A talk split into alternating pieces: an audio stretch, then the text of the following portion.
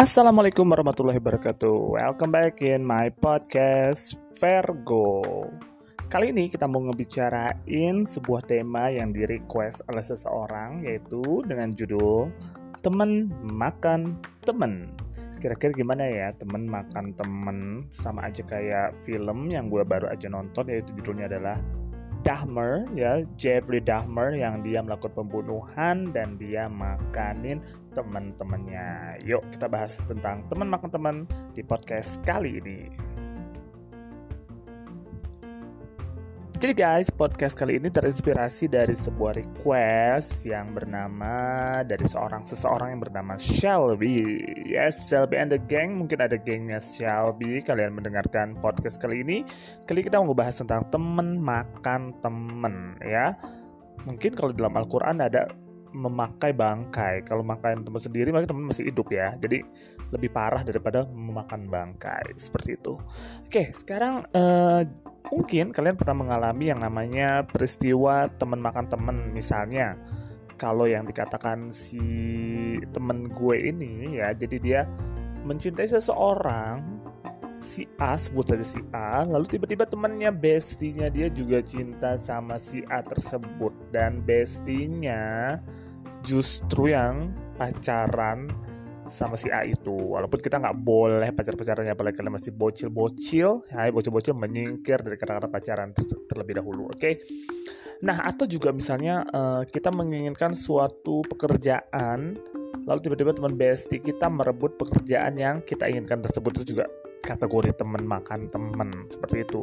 Ada lagi misalnya seorang teman yang di depan kita itu baiknya minta ampun bak malaikat gitu ya. Tiba-tiba ketika di luar ketika nggak ada sama kita dia menjelek-jelekan kita bagaikan kita adalah seorang pendosa yang nggak akan dimaafkan dosanya selama di dunia dan di akhirat. Lo bayangin gak sih? Kita tuh dia manis-manis kayak gitu ya. Lo baik lo gitu. Tapi di belakang kita uh, dia menjatuhkan dan even membunuh lo dari belakang seperti itu.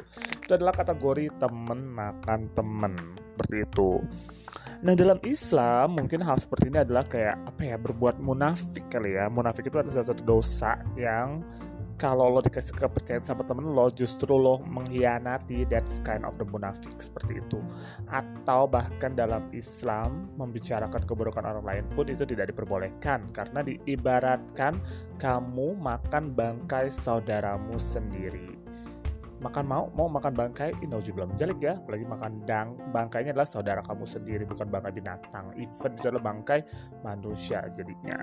Nah ada digambarkan juga bahwa kayak gitu-gitu tuh kayak mengkhianat pengkhianat seperti pengkhianat. Terus dia menodai yang namanya hubungan muamalah hubungan pertemanan. Yang akhirnya orang-orang kayak gini ini kalau nggak taubat dengan segera kayaknya lo bakalan dapet uh, sesi khusus di sinetron Indosiar ya dengan latar belakangnya adalah lagunya Opik. Ya. Bagaimana kau? Gitu. nggak ada usah bilang menjalik ya atau dulu film ada yang namanya film azab seperti eh hidayah ya hari hidayah bukan azab seperti itu. Atau jangan-jangan kalian yang dihianati malah menjadi tokoh utama dalam sebuah film yang ada di Indosiar dengan lagunya Rosa ku menangis gitu. Nggak juga ya guys. Nah kita nggak seperti itu juga jadi jelas dalam Islam yang namanya pengkhianatan seperti itu teman makan teman is not kind of the part of Islam seperti itu. Bukan satu bagian dalam Islam dan itu adalah hal yang ya bisa jadi dosa dan bisa jadi hal yang tidak diinginkan seperti itu. Tapi uh, kalau yang gue baca dari teror teror itu? Taylor Swift dia bilang everyone is betray you seperti itu. Jadi kalau menurut gue ya bakalan ada kesempatan orang untuk mengkhianati lo walaupun misalnya dia bilang gue temen lo setia dong gue paling setia. Ya kalau memang dia orangnya benar lurus dia pasti benar akan setia. Tapi ada juga orang yang bengkok-bengkok dikit. Dia cuma ngomong depan lo doang tapi di belakangnya justru menusuk lo dari belakang. That's so really easy ba so really hurt banget ya. Gue pribadi sih pengkhianatan adalah dosa yang gak termaafkan. Seperti itu menurut gue kalau orang udah berkhianat pertama kali itu bakal ada yang kedua, ketiga, keempat, kelima, enam, ketujuh, delapan, sembilan, sepuluh kalau kita terus memaafkan orang tersebut. Tapi kalau ketika di pengkhianat pertama kita langsung cut, udah gak mau teman lagi sama dia, bisa jadi tidak ada pengkhianatan lain tapi tidak ada pertemanan juga seperti itu. itulah menurut gue nggak boleh nggak ada yang namanya kesempatan-kesempatan buat pengkhianat karena pengkhianat akan terus menjadi pengkhianat. Ya seperti itu. Nah e, kalau ada temen yang melakukan pengkhianatan seperti itu kayaknya lo harus benar-benar perlu banget yang namanya mengevaluasi pertemanan lo. Jangan-jangan temen lo itu bestie lo itu berteman sama lo itu dengan sangat terpaksa doang. Pengen ada untungnya doang pengen temenan sama lo biar nggak dianggap ah, biar ada geng istilahnya ya ada pertemanan sehingga dia nggak dianggap menjadi uh, maksudnya geng-geng yang kece seperti atau gimana geng yang pokoknya dia punya geng seperti itu. Jadi lo harus evaluasi lagi lo penting nggak temenan sama pengkhianat kayak begini? Gimana? Apakah uh, kalau dipertahankan apa efeknya buat diri lo? Kalau nggak dipertahankan apa baiknya juga buat lo? Jadi lo harus setelah ada pengkhianatan pertama kayaknya lo jangan pernah uh, langsung percaya 100% sama ini orang gitu. lo harus waspada. Bisa kalau lo mem memilih untuk memaafkan gitu ya lo kayaknya harus waspada tetap jangan sampai lo kedua kali dikhianatin dan itu membuat lo sakit banget tuh. Jadi kalau dia udah berkhianat lo memutuskan memaafkan setelah itu lo harus apa namanya uh, berhati-hati sama ini orang. Bahkan lo jangan sampai deh walaupun orang teman kita itu bukan pengkhianat jangan sampai 100% apa yang kita tahu itu diceritakan kepada orang lain. Karena uh, seseorang itu berpotensi untuk menjadi pengkhianat sekitar 90-99% seperti itu ya jadi setelah evaluasi pertemanan, kamu lihat lagi baik buruknya berteman dengan orang ini. Kalau ternyata misalnya banyak buruknya, ya udah tinggalkan orang itu.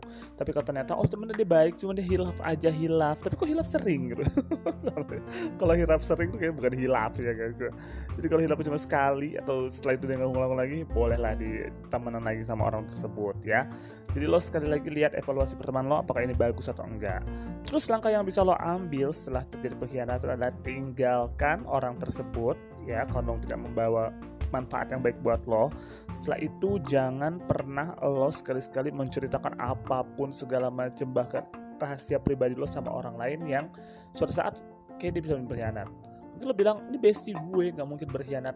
Semua orang berpotensi menjadi seorang pengkhianat seperti itu. Jadi jangan pernah lo uh, menyerahkan 100% hidup lo sama orang lain sama bestie lo ketergantungan sama bestie lo itu nggak baik banget seperti itu ya. Jadi tolong jadi orang yang berpikir logis dan berpikir realistis ketika ada pengkhianat ketika ada temen yang lo suka tiba-tiba temen lo juga mensukai orang itu dan lo kayak dan lo tahu temen lo itu dia lo suka sama dia tiba-tiba dia malah ngambil-ngambil gitu kan kayaknya udah lo singkirin aja seperti itu ya. Masih banyak teman yang lain yang mau berteman dengan lo masih banyak teman-teman baik yang lebih baik dari si pengkhianat ini. Seperti itu kalau gue pengalamannya kayak gue pernah banyak banget guys. Gue pengalaman dihianatin tuh banyak banget. Saking banyaknya mungkin gak kehitung ya tapi ya langkah gue tegas gue nggak mau berteman dengan dia lagi. Atau sekalipun gue berteman dengan dia ya secukupnya aja ya guys. Setelah itu bye bye setelah itu jadi kita memang harus menyelamatkan diri kita terlebih dahulu sebelum kita memutuskan untuk bermain atau untuk berteman lagi dengan orang-orang toksik macam dia seperti itu. Oke okay guys, jadi gimana kalau lo dihianatin sama temen lo, lo tim yang menerima dia balik lagi setelah dia berminta maaf atau justru no bye bye, say goodbye seperti itu. Coba lo uh, ini share pengalaman lo di 082113323 395. Sekali lagi kalau lo misalnya tim yang memaafkan atau tim yang meninggalkan, coba lo share pengalaman pengkhianatan yang lo alami di 3 di 082113323 395. Kalau lo punya info-info menarik juga atau saran-saran podcast yang mesti gue bahas, juga lo bisa kirim ke nomor tersebut. Thank you so much everyone for listening. See you next time. Assalamualaikum warahmatullahi wabarakatuh. Bye.